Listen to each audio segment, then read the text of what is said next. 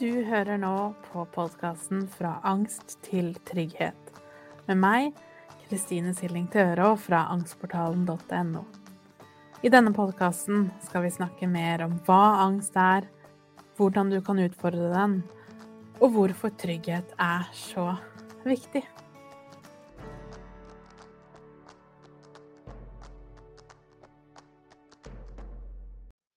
Hei og velkommen til episode 75. Og i dag så skal jeg snakke om angst og relasjoner. Og det er jo kanskje et lite minefelt av et tema. Det er et tungt og vanskelig tema. Og dagens spørsmål er fra noen som skrev til meg på Instagram. Og jeg hadde så lyst til å snakke om dette i en episode, fordi jeg vet dette er noe mange kjenner seg igjen i. Det handler jo om å opprettholde relasjoner, det handler om ensomhet og ting som er ganske typiske når vi står i angsten. Som vanlig så leser jeg spørsmålet først, og så snakker vi litt om det etterpå. Hei! Først og fremst takk for all kunnskap og støtte du deler. Podkasten din er en trøst å ha på øret ofte. Tusen takk for det. Jeg lurer på om du kan dele tanker rundt det å pleie eller holde på vennskap når man lever med angst. Fra før av har jeg aldri vært supersosial, men på et greit nivå. Men nå når jeg er ute av arbeidslivet og, usikker, og på usikker tid, merker jeg enda tydeligere hvor vanskelig det er å være sosial og gjøre avtaler. Jeg er redd for å få angstanfall og være til bry. Sliter også med utmattelse, som gjør at jeg ikke orker de store påfunnene. Har vært mye åpen om angsten fra før, men har, fortsatt, men har fortsatt behov for å prate om det og bli sett innimellom. Men nå føler jeg at andre kan bli lei av meg, og det temaet kan virke negativt. Og kan virke negativt. Har samboer og barn, men veldig lite sosialt liv. Trekker meg ofte fra avtaler. Føler ensomheten bare blir større og vet at det ikke er bra. Til info er jeg typen som er god til å lytte til andre, og som oppriktig bryr meg om de rundt meg. Så å snakke om meg selv er vanskelig. Og når jeg leste det spørsmålet, så kjente jeg med en gang at jeg kan veldig kjenne meg igjen selv. Og ikke minst har jeg hørt enormt mange forteller om det samme. For det er klart, når vi har angst, så er det jo mange ting som jobber ganske imot oss. Angsten i seg selv vil jo gjerne isolere deg. Angsten din ønsker å holde deg trygg, og vil gjerne helst at du er hjemme, eller i hvert fall i trygge omgivelser, eller i hvert fall så trygge som det er mulig akkurat nå. Den vil ikke at du skal gjøre ting som kan være farlige. Og som du skriver her, det at du er redd for å få angstanfall, være til bry, er jo typisk sånne ting som gjør at vi begynner å isolere oss. Og over tid begynner vi å måtte innskrenke eh, omgangskretsen vår. Og alt dette her gjør jo at det blir fort ganske krevende å å bryte ut av alt det her. Fordi vi blir så sittende inne i vår, eh, i vår boble. Og så er det noe med dette her å ikke ville være til bry, som jeg vet så mange kjenner på, og jeg vet så mange av oss har tydelige erfaringer med. At vi har opplevd at andre alt fra på en måte eh, ser rart på oss, himler med øya, eller rett fram uttale eller si at um, at vi maser, at vi klager, uh, alt sånt. Og det gjør at vi blir ekstra redde, og veldig ofte når vi har angst, så er vi veldig også gjerne mennesker som er veldig opptatt av at andre skal Eller kanskje heller en frykt for at andre ikke skal like deg, at andre skal tenke noe negativt om deg, at du ikke skal være en som yter, en som ikke er bra nok. Og da er det jo klart, når vi i tillegg da plutselig er i en situasjon hvor angsten tar litt over, vi kanskje er nødt til å begynne å be mer om hjelp. Så dette med å måtte ha med oss folk steder er et sårt tema for veldig mange. Det å måtte si nei til ting, eller forklare at jeg får ikke til eh, å møte opp på ulike ting akkurat nå. Eh, jeg er redd for å få angst igjen, jeg er redd for sånn og sånn. Det i seg selv er jo kjempekrevende og kjempevanskelig. Så da er det jo klart at når vi både har ekte erfaringer med å, at andre antyder at du er til bry, og at du maser og klager og er litt mye, så er det selvfølgelig vi vil gjøre alt vi kan for å unngå å havne der igjen. Som gjør at vi begynner kanskje å isolere oss enda mer. Det forsterker allerede den situasjonen og tankene vi har om oss selv. Så vi begynner å isolere oss mer, livet blir mer og mer innskrenka. Og så blir det ofte vanskeligere og vanskeligere å bryte ut av det. Og da tenker jeg nummer én her er jo at du er klar over det. Du kjenner at det skjer, som allerede der er en kjempefordel. Du kjenner at selv om jeg i utgangspunktet ikke er den mest sosiale, eller har kanskje den som har mest behov for det, så er det allikevel nå kanskje gått over en, en, grense der hvor det har gått fra å være en litt sånn um, Det å være deg, det å være liksom sunn uh, versjon av deg som ønsker mer å være alene, f.eks., til å kanskje gå over en, en grense hvor vi det heller handler om at du isolerer deg. Det handler om at du kjenner på mer og mer ensomhet. Så kjenner vi at vi er der, og vi legger merke til at dette skjer. Og da er det to ting jeg tenker er ganske viktig. For da er det jo lett å si at ja, men da må vi bryte ut av det. Da må vi komme oss ut. Vi må utfordre oss, vi må være mer sosial, vi må ta mer kontakt. Og det er jo vel og bra. Men det er jo bare det at det er en grunn til at vi har det som vi har det i utgangspunktet. Så det handler jo vel så mye, tenker jeg, om å også få lov til å anerkjenne at sånn er det akkurat nå. Og det er kanskje en bra ting. Kanskje jeg trenger det akkurat nå. Og da mener jeg det med å, å ikke gjøre så mye eller eh, isolere seg selv, at det også er både en viktig ting, for noen ganger trenger vi det, og i andre tilfeller ha litt omsorg med oss selv for at det skjer, til tross for at det ikke kanskje er egentlig det vi ønsker. Men å ha litt medfølelse med at det er ikke rart, fordi det er så mange ting akkurat nå som gjør at det er akkurat dette som skjer. Det er mange lag med mekanismer i angsten og i de, i de traumereaksjonene vi har, som gjør at det er naturlig for hjernen vår å søke å isolere deg for å ta vare på deg, for å holde deg trygg. For å ikke utsette deg selv for um, ubehag og for måte, truslene om å ikke bli sett. Og da er det jo kanskje det letteste å ikke spørre om å bli sett, for å kanskje bli avvist, heller enn å bare ikke spørre i utgangspunktet. Så det å få lov til å sitte litt i det, at ikke alt nå skal handle om at å, dette må vi like, dette må vi bryte ut av, men heller OK, her er vi, og det er jaggu ikke rart. Og så kommer jo da etter hvert del to. Hva skal vi gjøre da? Hva er det vi trenger? Og veldig ofte, det jeg har lyst til å, å snakke kanskje mest om, er nettopp denne frykten for å bry andre. Som oftest egentlig ikke er helt reell. Som oftest, hvis vi har bra folk rundt oss, vel å merke, det er ikke alltid vi har det. Men hvis vi har folk rundt oss som virkelig bryr seg om oss, så vil de være interessert i å eh, høre. Ikke sant? Og her er det jo igjen et minefelt av ulike, uh, ulike lag. Ikke sant? For det er klart, det kommer jo litt an på hvordan vi snakker om ting, hvordan vi henvender oss om ting.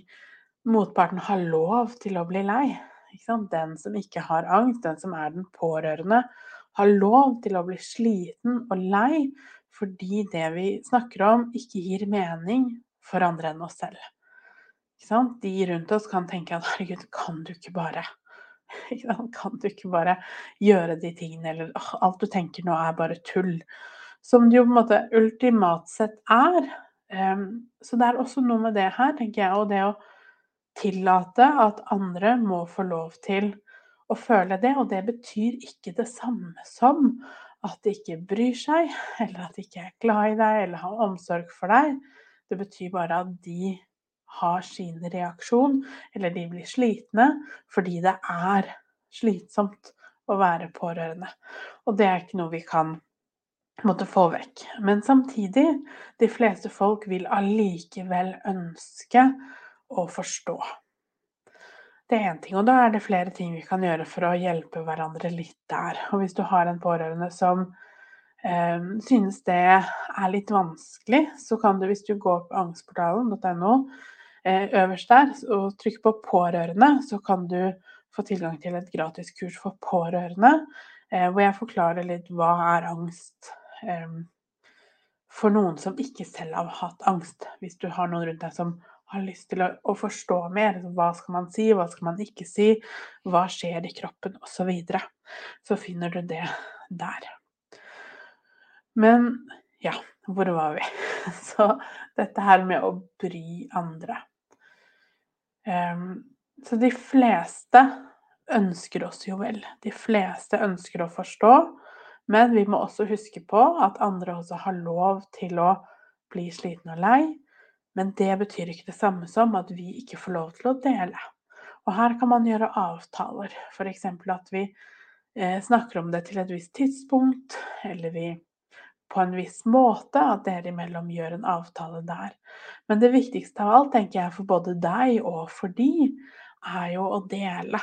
Å få lov til å dele, og ikke være redd for å si ting fordi det kan komme til å, eh, å skade eller trekke andre ned, eller mange forskjellige ting vi er, er engstelige for.